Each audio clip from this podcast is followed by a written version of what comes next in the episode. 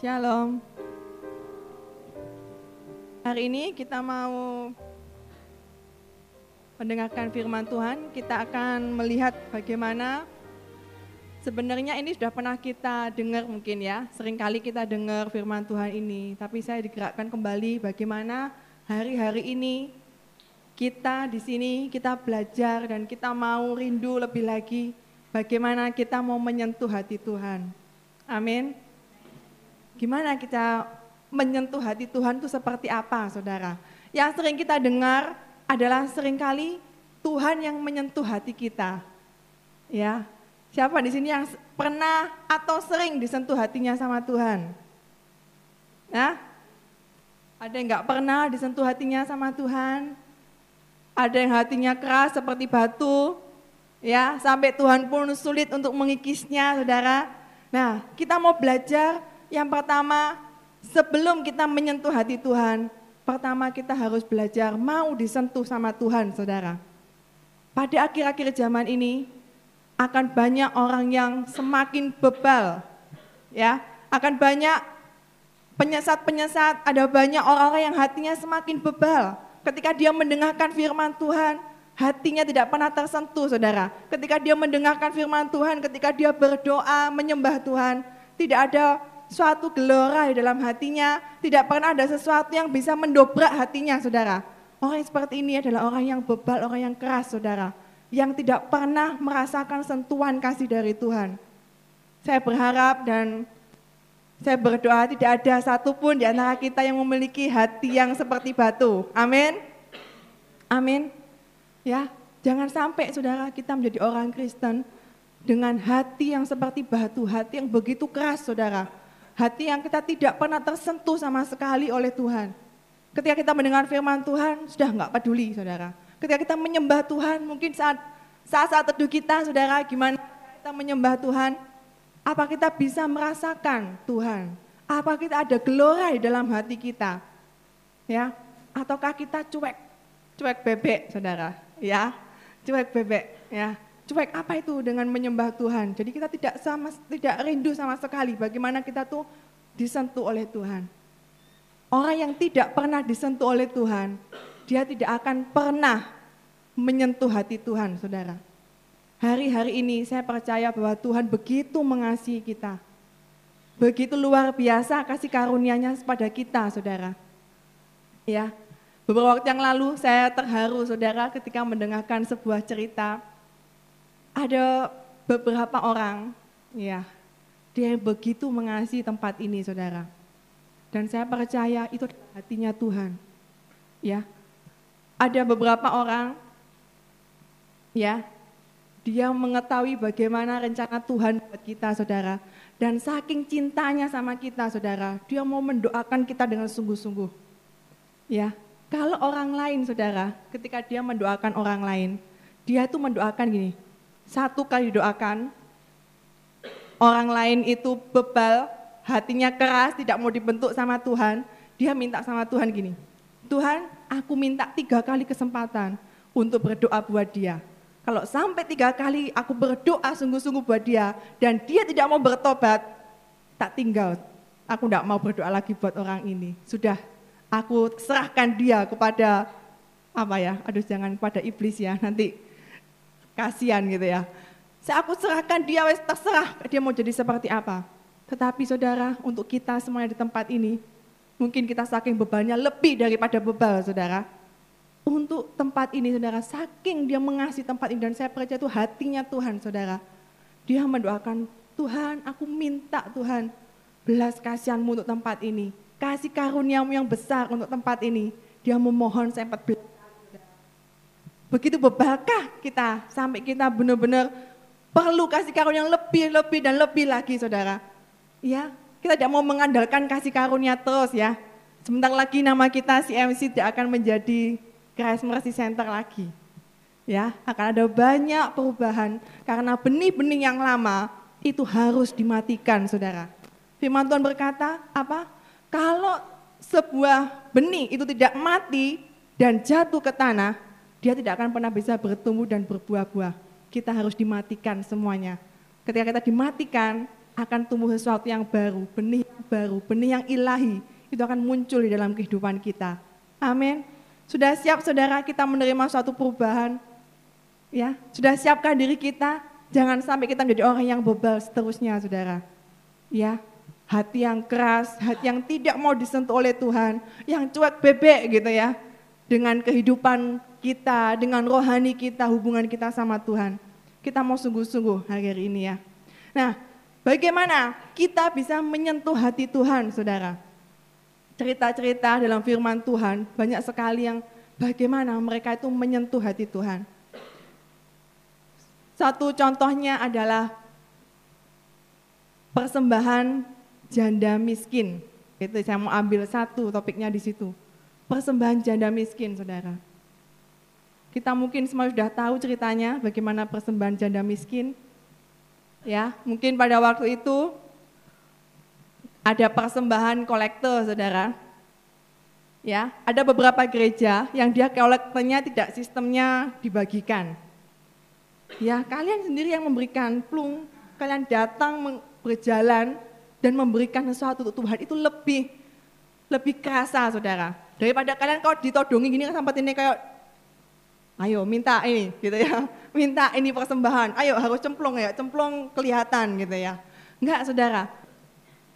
Bagaimana kita memberikan persembahan kepada Tuhan pada sebuah kan di gereja dulu waktu saya di Tuban waktu kecil, saya ingat sekali ada persembahan di situ ya, kotak persembahan. Dan kalau kita persembahan itu dimasukkan ke dalam kantong itu, saudara. Nah, ternyata itu mirip dengan yang perjanjian pada zaman Yesus ya. Jadi ada persembahan orang kaya. Oh, kalau persembahan saudara mungkin pada itu nggak ada amplop gitu ya. Jadi ditunjukkan ya orang kayanya. Wah, seratus ribuan, kipas-kipas dulu sebelum dimasukin ya dimasukkan, ditunjukkan. Tapi itu ada sebuah peristiwa yang sungguh menggetarkan hati Tuhan. Yaitu apa? Ketika ada seorang janda, janda yang miskin saudara, dia memberikan apa? Persembahan kepada Tuhan. Berapa besarnya? Berapa besarnya? Masih ingat? Lupa? 12. 12 apa? Ya, kita baca ya dalam kitab Markus 12. Markus 12 ayat yang ke-41. Kita mau baca sama-sama sampai ayat yang ke-44. Udah ketemu? Satu, dua, tiga. Pada suatu kali Yesus duduk menghadapi peti persembahan dan memperhatikan bagaimana orang banyak memasukkan uang ke dalam peti itu. Banyak orang kaya memberi jumlah yang besar. Lalu datanglah seorang janda yang miskin dan ia memasukkan dua peser, yaitu satu duit. Maka dipanggilnya murid-muridnya dan berkata kepada mereka, Aku berkata kepadamu, sesungguhnya janda miskin ini memberi lebih banyak daripada orang yang memasukkan uang ke dalam peti persembahan. Sebab mereka semua memberi dari kelimpahannya, tetapi janda ini memberi dari kekurangannya semua yang ada padanya yaitu seluruh nafkahnya. Saudara, sering kali kalau kita lihat ya, janda ini adalah seorang janda yang miskin, saudara, bukan janda yang kaya raya, yang bisa memberikan uang luar biasa banyaknya. Ya, kalau dikatakan firman Tuhan ini Yesus tahu berapa jumlah uang yang dimasukkan. Berarti itu dipamer-pamerin mungkin saudara ya, ya tadi dikipas-kipas dulu uangnya baru dimasukkan gitu ya mungkin yang memberikan sedikit, mungkin sambil disembunyikan supaya nggak ada yang tahu gitu ya. Nah, janda miskin juga memberikan, kelihatan oleh Tuhan Yesus, memberikan dua peser, yaitu satu duit. Kalau saudara baca di dalam kamus Alkitab, satu peser itu adalah satuan uang yang sangat kecil, paling kecil satuannya. Saudara, ya Janda ini dia memberikan apa yang ada pada dia, seluruh hartanya saudara. Coba bayangkan betapa miskinnya janda ini saudara. Bahkan yang dia punya seluruh nafkahnya itu hanya 50 rupiah saudara. Bayangkan, coba bayangkan dulu. Ya, 50 rupiah, bisa tuh beli apa saudara 50 rupiah? Mau beli nasi aja nggak bisa, seribu ya minimal. Nasi putih aja itu ya, Nah, 50 rupiah, jumlah yang sangat kecil saudara. tetapi dia berikan seluruhnya untuk Tuhan. Berapa banyak di antara kita yang ketika kita mulai kekurangan, kita mulai bersungguh-sungguh sama Tuhan dan berkata, Tuhan kok nggak pernah berkati aku? Kalau gitu ya sudah, aku tidak mau memberikan yang terbaik untukmu. Seringkali kita hitung-hitungan sama Tuhan. Seringkali kalau kita mungkin pekerjaan kita mulai nggak diberkati atau keluarga kita mulai diseretin uang kosnya, saudara. Kita mulai bersungguh-sungguh dan berkata, ya lah, karena uang jajanku dikurangi, maka aku nggak perpuluhan. Ya. Atau kita memberikan kepada Tuhan, dihitung-hitungi saudara, sambil perhitungan dengan rinci sekali, terutama orang akuntansi mungkin di sini ya. Wah dirinci, setelah dipotong pajak, potong ini gitu ya. Oh akhirnya ketemu untuk Tuhan adalah jumlah segini gitu ya. Kita nggak berikan yang terbaik untuk Tuhan. Hitungan saudara. Saya percaya bahwa kita semua di tempat ini lebih kaya dari janda ini saudara. Ya, tapi janda miskin ini dia mau berikan seluruh hartanya untuk Tuhan. Tuhan tidak melihat jumlah. Mungkin menurut kita 50 rupiah itu sangat kecil, tapi menurut Tuhan itu sangat besar. Karena itulah seluruh harta yang dimilikinya pengorbanan ini adalah salah satu yang bisa menyentuh hati Tuhan. Seberapa besar kita mengorbankan sesuatu untuk Tuhan. Ya, itu bisa berupa harta kita untuk Tuhan. Saudara, ternyata harta itu merupakan sesuatu yang berbahaya karena bisa mengikat kita, Saudara. Bahkan kalau kita pernah mendengar seorang anak muda yang kaya, apa yang membuat dia tidak bisa diselamatkan yaitu hartanya. Ketika Tuhan berjalan-jalan dengan dia, ya, guru apa yang bisa membuat aku diselamatkan? Yesus menjawab apa? Jualah segala harta milikmu dan ikutlah aku. Tapi dia merenungkan. Dia menghitung-hitung jumlah asetnya, berapa jumlah mobilnya, berapa jumlah rumahnya. Setelah dihitung-hitung ber-MM mungkin, bertriliun mungkin waduh aku yang jumlahnya segini banyak, aku jual, aku berikan pada orang miskin, aku nggak punya apa-apa. Akhirnya apa?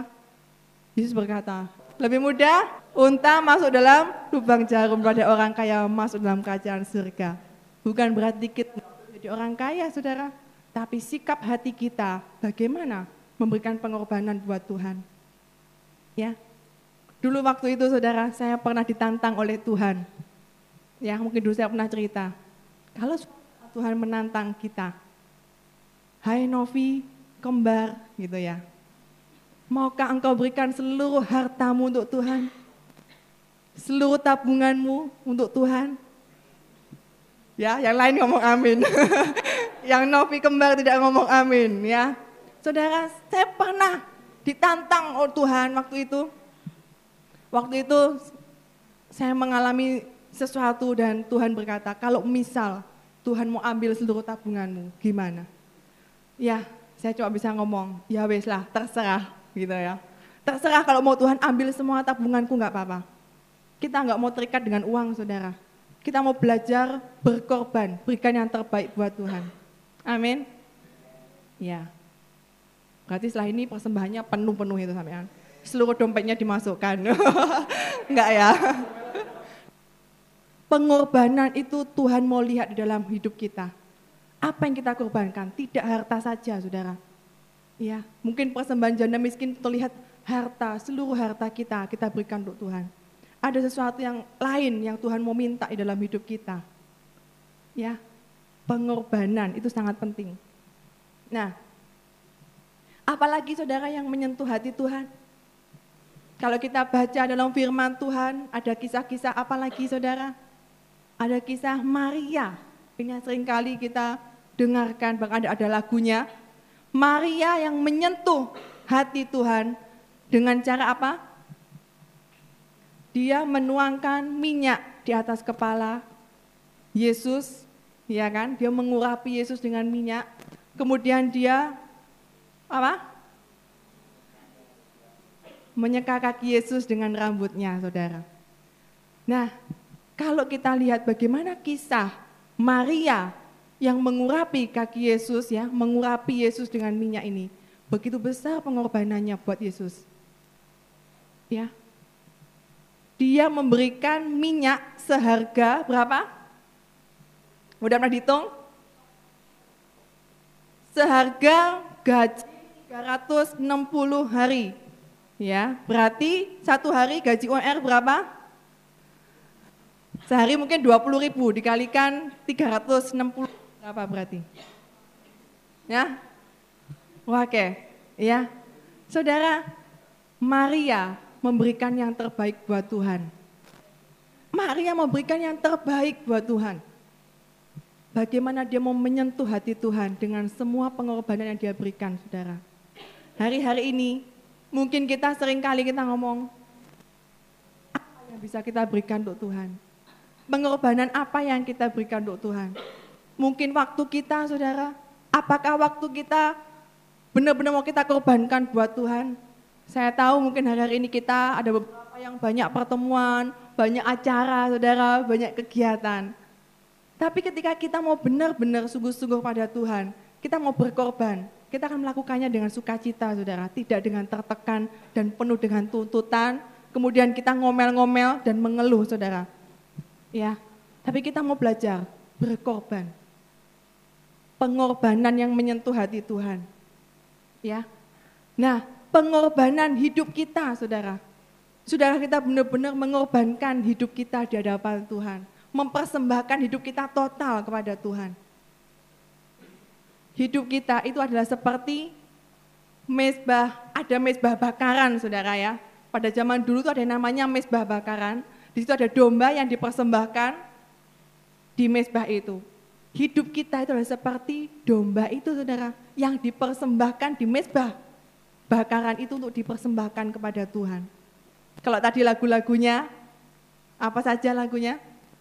Ajarku berdiam, hidupku adalah untukmu. Sudah benar enggak kita ngomong seperti itu? Atau ketika kita menyanyikan tadi malaikat di surga, geleng-geleng saudara. Waduh pembohongnya, pembohong tua terbesar gitu ya. Ngomongnya hidupku hanya untukmu, ternyata berkorban dikit aja sudah ngomel.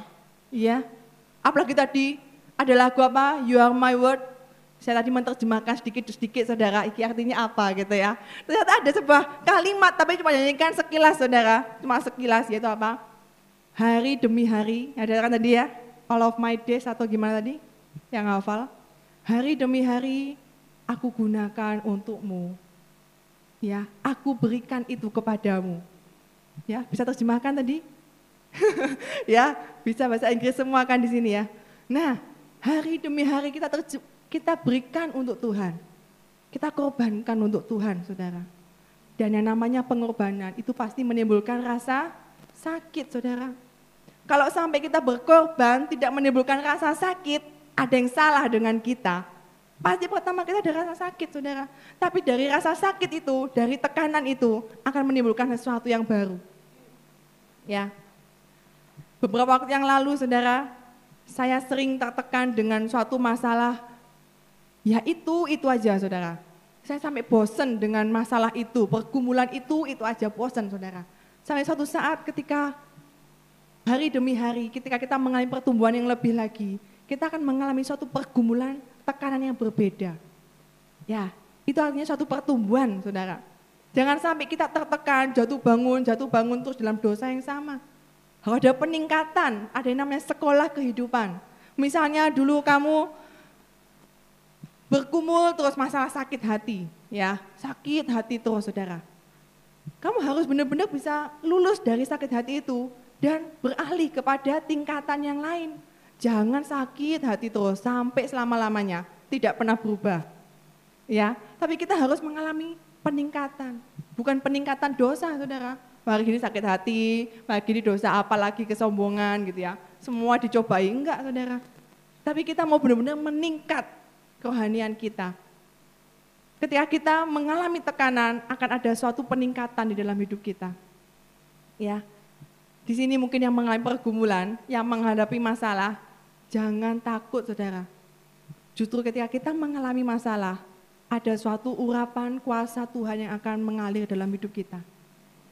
Dulu pernah ada yang berbicara seperti ini. Bagaimana kita bisa mengalami kesembuhan kalau kita tidak pernah mengalami rasa sakit. Bagaimana kita bisa mengalami mujizat kalau tidak ada suatu pergumulan di dalam hidup kita? Kalau engkau mau melihat suatu mujizat, Ketika engkau mengalami pergumulan bersuka citalah. Karena mujizat itu akan terjadi dalam hidup kita. Amin. Ya, kita harus belajar. Kita mengalami tekanan, kita akan keluar sebagai pemenang.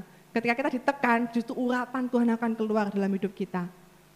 Ya, tergantung sikap hati kita ketika mengalami tekanan. Kita malah jauh dari Tuhan, kita ngomel-ngomel, atau malah kita mau cari Tuhan lebih lagi. Amin. Nah, kemudian bagaimana kita menyentuh hati Tuhan, saudara? Yang pertama tadi adalah pengorbanan hidup kita. Ya, nah, yang kedua, bagaimana kita mengalami Tuhan? Pengorbanan itu, saudara, tidak akan pernah ada menyentuh Tuhan apabila tidak disertai dengan hati yang rela. Ya. Pengorbanan tidak akan pernah menyentuh hati Tuhan apabila kita tidak memiliki hati yang rela. Apabila di sini yang melayani Tuhan, pelayan-pelayan Tuhan, mungkin kau sudah berkorban begitu banyak, engkau latihan tamborin terus, engkau pertemuan tiap hari, saudara, tiap hari tidak ada hentinya, engkau ke gereja mungkin ngurusi masalah apa, masalah apa, saudara. Tapi pengorbanan itu tidak akan pernah berarti apabila tidak ada hati yang rela. Bila dalam pengorbanan itu kita selalu mengeluh, kita selalu bersungut-sungut di hadapan Tuhan. Janda miskin, dia berikan pengorbanan seluruh nafkahnya dengan hati yang rela. Maria yang mengurapi Yesus, dia memiliki hati yang rela. Dia berikan seluruh gajinya dalam satu tahun itu diberikan kepada Tuhan. Ya, sudahkah kita memiliki hati yang rela? Ya, maukah kita memiliki hati yang rela, saudara? Pengorbanan harus disertai dengan hati yang rela. Ya, hati yang rela, hati yang mau dibentuk oleh Tuhan. Ini sangat penting, saudara. Ya, nah Jangan sampai kita melayani Tuhan, kita melakukan sesuatu itu hanya karena kita dituntut, saudara. Karena apa kata pemimpin? Karena Tuhan maunya seperti itu, karena kita terpaksa melakukan kehendak Tuhan. Jangan sampai kita terpaksa, saudara. Ya, mungkin daging kita pertama kali pasti akan merasa apa? Sakit. Pasti, saudara Hati yang rela itu tidak muncul dengan tiba-tiba, tiba-tiba, oh kamu tuh jadi orang yang rohani, tiba-tiba kamu tuh, oh ya ya rela gitu ya. Tadi Gilang, oh, bersih-bersih rela gitu ya. Pasti dalam hatinya mungkin ada perasaan, kok aku sih gitu ya, suruh bersih-bersih gitu ya. Terus gak apa-apa lah sekalian untuk diet gitu ya, naik ya sapi-sapi, angkat-angkat kursi gitu ya. Ya, harus disertai dengan hati yang rela, saudara. Ada beberapa tipe orang, itu yang tidak suka disuruh-suruh, saudara. Benar? Disuruh dikit aja dia pasti, kok aku? Ya, ya toh. Siapa yang sering seperti itu? Ayo angkat-angkat kursi ya, ayo bersih-bersih. Kok aku gitu ya. Saudara, kita harus memiliki hati yang rela, berkorban dengan hati yang rela. Yesus saja, dia mati di atas kayu salib dengan hati yang rela, saudara.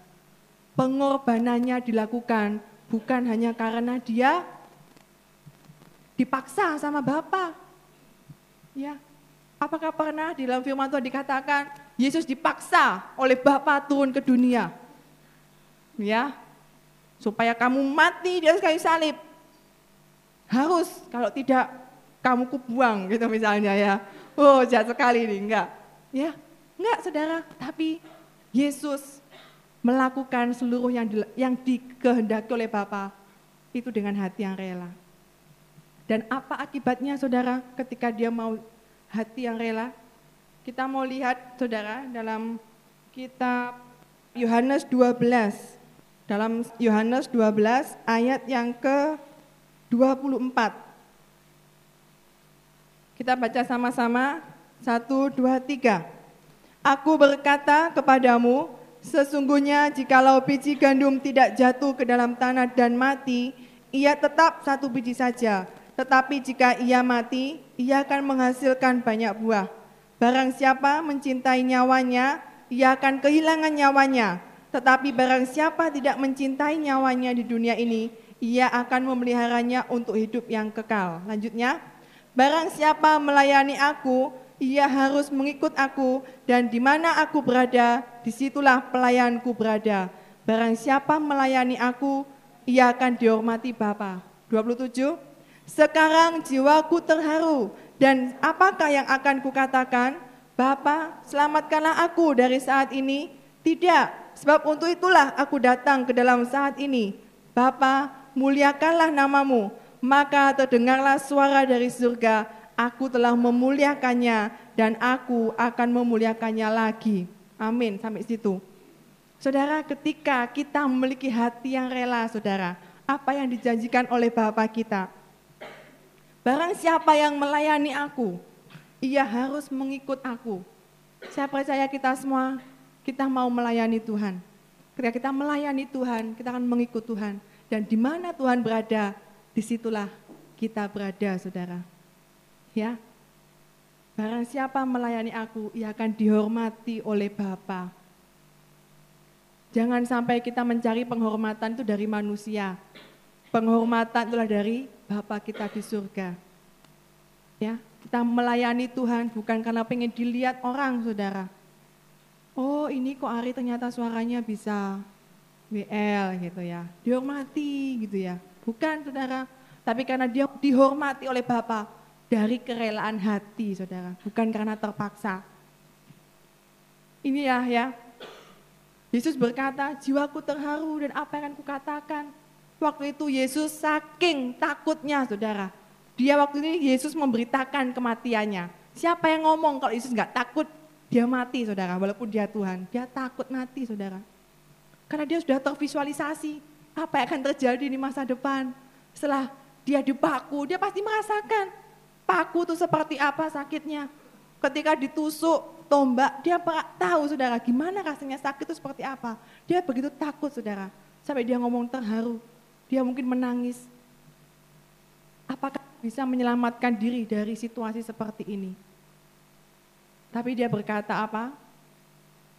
Tidak, sebab untuk itulah aku datang ke dunia. Sebab itulah aku datang untuk saat ini. Sehingga dia berkata, dia cuma ngomong apa? Bapa, muliakanlah namamu. Segala kemuliaan itu buat Tuhan. Dan akhirnya Bapa berikan buat Yesus. Akhirnya Yesus akan dimuliakan oleh Bapa sendiri, saudara. Ketika kita mau benar-benar melakukan yang terbaik, memberikan yang terbaik buat Tuhan, pengorbanan yang terbaik buat Tuhan, Tuhan akan memberikan yang terbaik buat kita. Ketika kita memiliki hati yang rela melayani Tuhan, ya, di saat itulah Tuhan akan memuliakan kita, saudara. Amin. Ya. Saudara, hari-hari ini mungkin kita rindu, kita memiliki suatu kerinduan yaitu kita lebih fokus terhadap visi yaitu apa? Keintiman dengan Tuhan, mengasihi Tuhan. Yang kedua, mengasihi jiwa-jiwa, saudara. Yang pertama kita mengasihi Tuhan, kita intim dengan Tuhan. Yang kedua kita mengasihi jiwa-jiwa. Saya rindu saudara, kita semua melakukan ini bukan dengan terpaksa. Waduh, karena disuruh. Ya, tetapi karena apa? Dengan hati yang rela, karena kita sungguh-sungguh mengenal Tuhan, Saudara. Yang ketiga, kita memiliki hati yang rela, itu akan terjadi ketika kita sungguh-sungguh mengenal Tuhan. Kalau kita nggak pernah mengenal Tuhan, kita nggak pernah dekat sama Tuhan, saya jamin kita nggak akan pernah rela ya nggak akan pernah rela melakukan apa yang jadi kehendak Tuhan dalam hidup kita. Seringkali berapa banyak di antara kita yang sering memberontak kepada Tuhan, saudara. Ketika kita kepingin sesuatu dan Tuhan tidak lakukan dalam hidup kita, kita sering kali berontak kepada Tuhan dan kita memaksa Tuhan untuk melakukan apa yang kita inginkan. Ya, kenapa jadi seperti itu, saudara? Karena kita tidak dekat dengan Tuhan. Ya, kita tidak dekat dengan Tuhan dan kita tidak memiliki roh yang kuat saya ingat sekali saudara, pada waktu-waktu tahun-tahun, 8 tahun yang lalu, 7 tahun yang lalu, 6 tahun yang lalu saudara. Nah, pada waktu-waktu itu, saya mengalami suatu pergumulan terus dalam hal yang sama.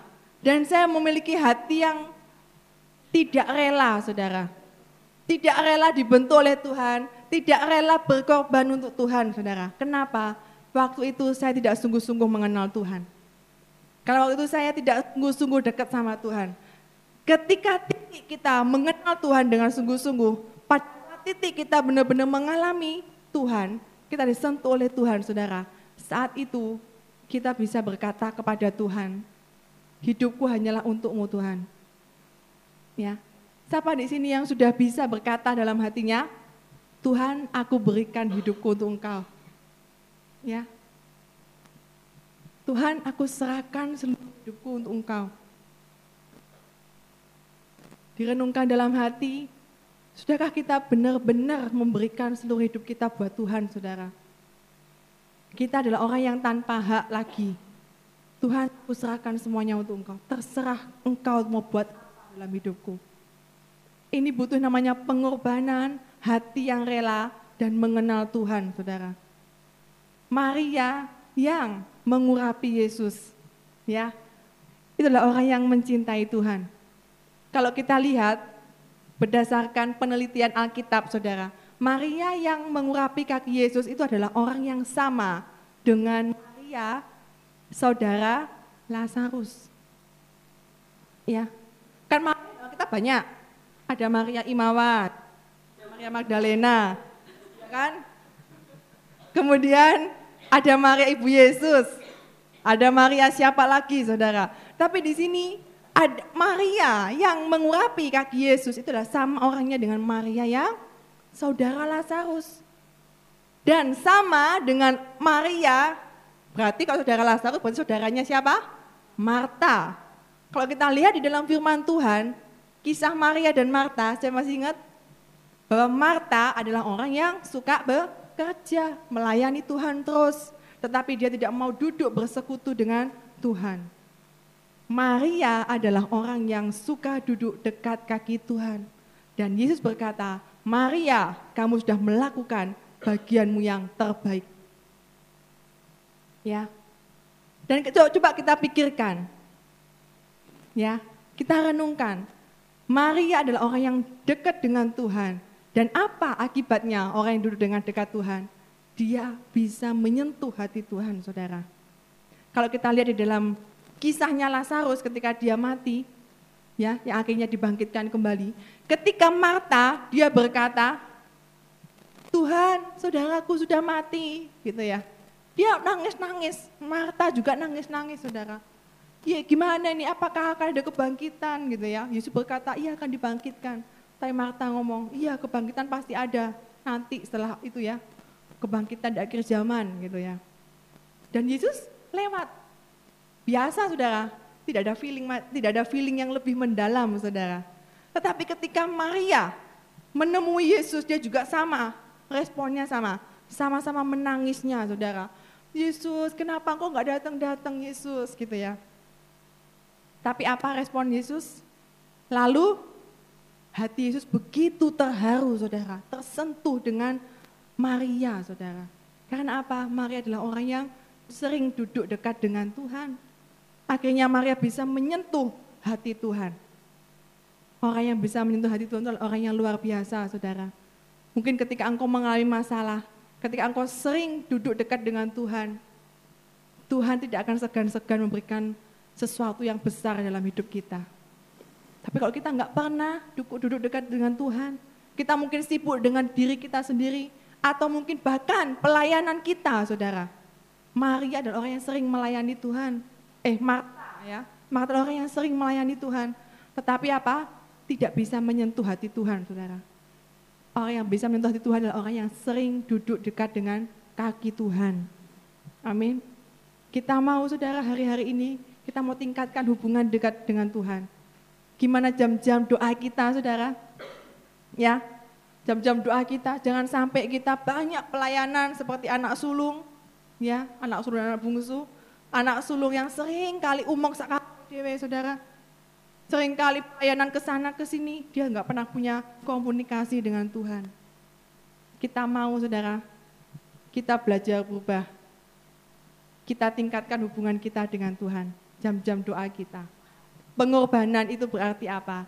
Memberikan sesuatu yang porsinya kita berikan untuk Tuhan Mungkin kalau porsi kita memberikan biasanya, secara wajarnya, Misalnya saudara, kalau kita persembahan, kita biasanya memberinya misalnya 5 ribu saudara.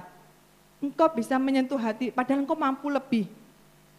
Ya, ketika engkau bisa menyentuh hati Tuhan, ketika engkau memberikan lebih dari yang biasanya.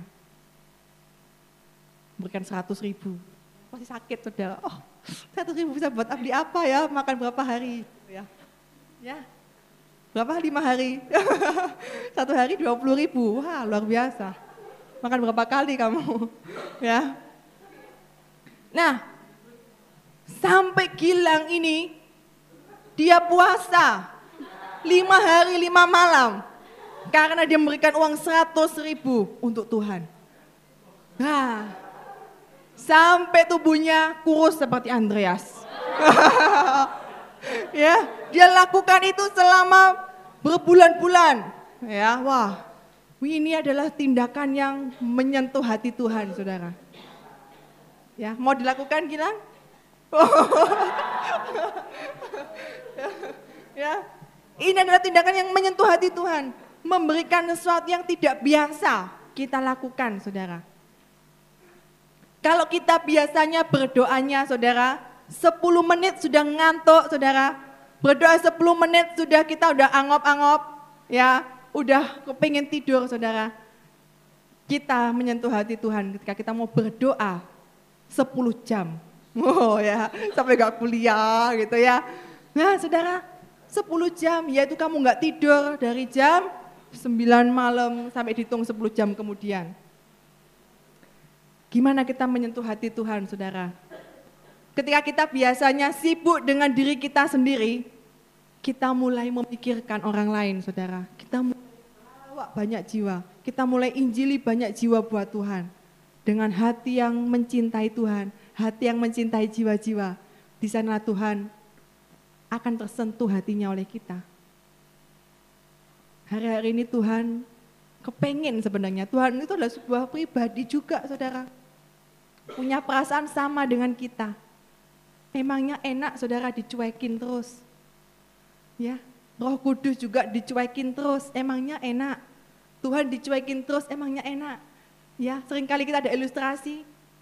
Bangun pagi, Yesus mau ngomong sama kita, hei anakku, aku mau ngomong ini, akhirnya apa? Saya Tuhan, aku tak mandi saya mau kuliah ini udah terlambat gitu ya. Aku cepetan mandi ya, udah kerja nih terlambat nih gitu ya. Oke, maka gitu deh jam-jam kerja, waktu jam istirahat gitu ya. Atau waktu istirahat kuliah, anakku aku pengen ngomong-ngomong sama kamu, sih toh Tuhan tugasku ake ini loh gitu ya, mau dikumpul lo besok gitu ya. Kerjaan banyak ini gitu ya. Oh iya sudah, Tuhan tuh penuh kasih sama kita, nggak maksa gitu ya, nggak maksa sama kita. Kalau kita nggak ada waktu, Tuhan nggak maksa gitu ya. Nggak sampai kamu tuh digeret-geret, ayo kamu di sini gitu ya. Enggak. Ya, akhirnya saudara sampai pagi sampai malam Akhirnya apa? Tuhan waktu kita mau tidur, kita capek, itu sudah istirahat dengan tenang. Ibu kita dengan tenang meninggal. Red in peace. kita beristirahat gitu ya di kamar tidur, apalagi yang kamarnya AC gitu ya, enak sekali gitu ya. Ya wes gitu, Tuhan anakku, kamu sudah semua sudah bereskan, tugas-tugasmu sudah gitu ya oh iya Tuhan aku sudah selesai semuanya Tuhan. Oke kita mau ngomong apa gitu ya. Ngomong-ngomong sebentar sambil tidur-tiduran gitu ya. Akhirnya bablas tidur saudara ya. Wah, duh, nak, nak, nak gitu ya. Duh, kamu kok udah tidur? Aku barusan mau ngomong-ngomong sama kamu. Baru dua menit kok kamu sudah tidur gitu ya. Ah, gitu ya, bangunnya pagi kamu diingetin. Loh, kamu kemarin kok sudah tidur? Iya Tuhan aku udah capek gitu ya. Dan tiap hari kita seperti itu saudara. Tuhan kita di surga benar-benar sedih ketika kita nggak punya hubungan yang dekat dengan Tuhan. Karena itu kita mau menyentuh hati Tuhan dengan kedekatan kita dengan Tuhan. Duduk dekat, diam dengan Tuhan. Makanya itu tadi ada lagu aja berdiam. Berarti kamu gak bisa diam saudara. Ya, kalau kita nyanyi itu berarti kita gak bisa diam memang. Karena itu sampai kita ngomong apa? Tuhan ajari aku tuh bisa diam Tuhan, duduk dekat kakimu gitu ya. Ya memang kita harus diajari untuk berdiam saudara. Nah, kemudian saudara apa yang bisa menyentuh hati Tuhan? Saudara, kita pada sesi-sesi yang terakhir. Bagaimana kita sungguh-sungguh bisa menyentuh hati Tuhan Ya. Yang pertama apa? Ada pengorbanan dalam diri kita. Kedua apa? Hati yang rela, pengorbanan hati yang rela. Ketiga, Iya, dekat dengan Tuhan, mengenal Tuhan dengan sungguh-sungguh. Ya. Yang terakhir, Saudara. Apa yang bisa menyentuh hati Tuhan? Coba bayangkan Saudara seorang bapak dengan anaknya. Saya percaya kita dulunya adalah orang yang berdosa, Saudara, yang waduh, tingkah lakunya itu mungkin kayak anak bungsu. Waduh, senakalnya luar biasa. Apa yang bisa menyentuh hati Bapak, Saudara? Ketika ada suatu perubahan di dalam diri kita ada perubahan di dalam diri kita, saudara. Kita dulunya adalah seorang yang pendosa. Kita adalah orang yang banyak dengan dosa. Mungkin saat ini pun, di sini mungkin banyak atau gimana? Saya percaya udah mulai berubah kan? Amin. Oh, amin ya toh. Dulu kita adalah orang pendosa. Jangan sampai sekarang juga tetap sama. Besok tetap sama dan selamanya tidak pernah berubah, saudara. Itu tidak bisa menyentuh hati Tuhan. Tapi ketika kita mau mengalami perubahan, ya, yang dulu nggak mau dibaptis, saudara, wah sekarang mau dibaptis, gitu ya, wah mau hidup baru, saudara, itu akan menyentuh hati Tuhan. Ketika dulu banyak orang yang ngomong, ayo dibaptis, gitu ya, aduh nggak mau, ngapain aku, nanti aku buat dosa lagi, percuma, gitu kan ya. Nah, tapi ketika ada sesuatu kita mau dibaptis, kita mau mengalami perubahan untuk Tuhan. Hati Yesus tersentuh. Ya, itu bisa menyentuh hati Tuhan melalui perubahan hidup kita, Saudara. Amin.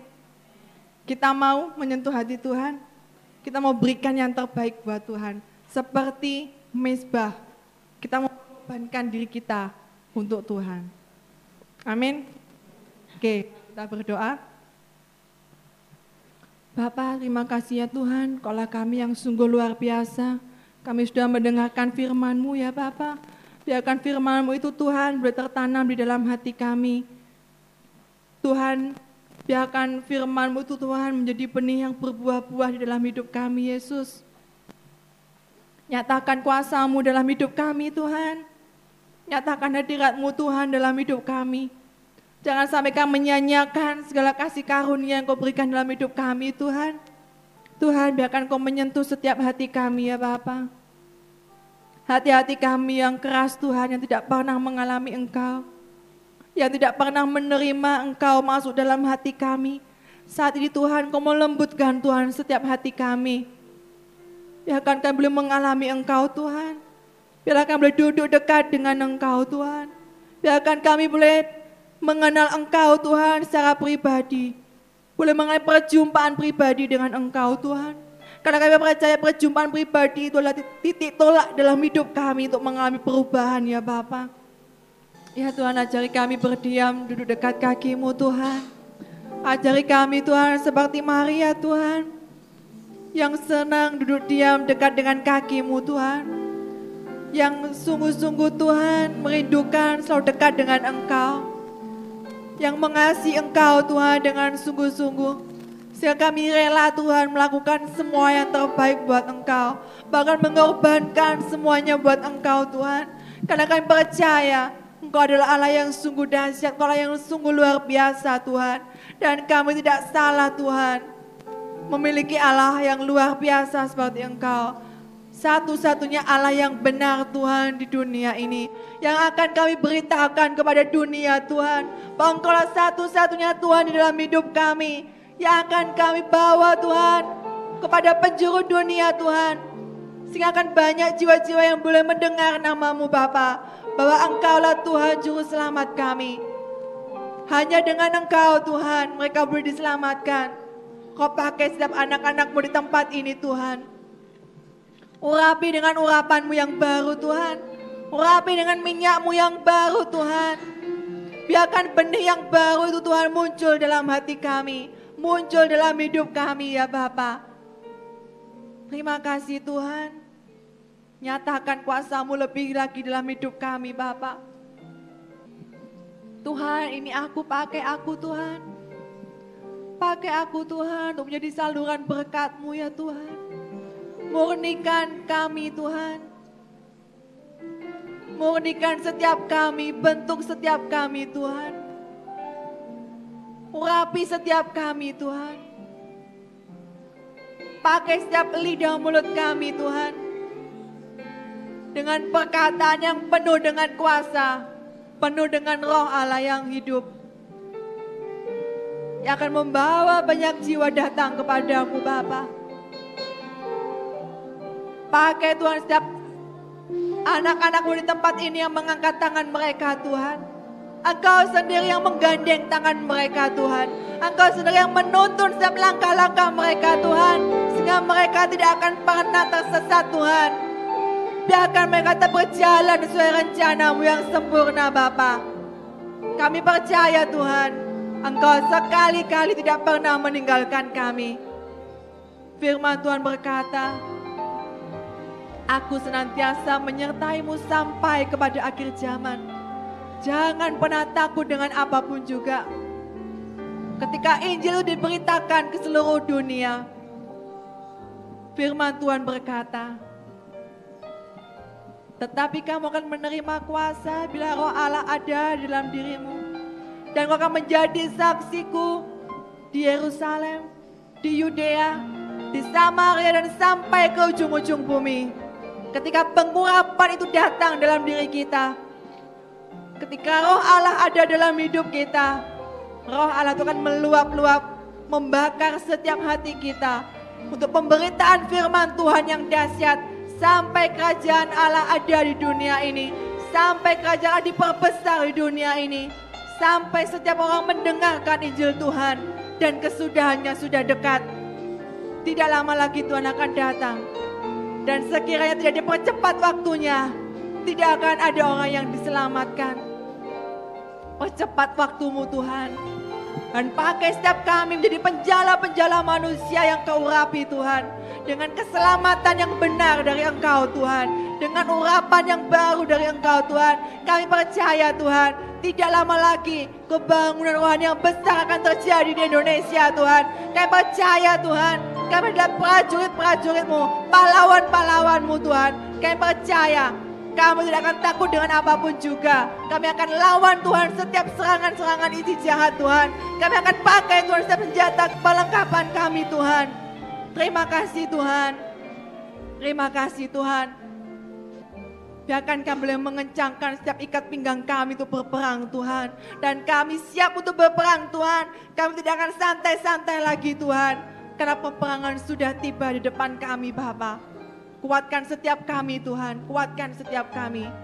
Berikan kami kekuatan yang baru Tuhan.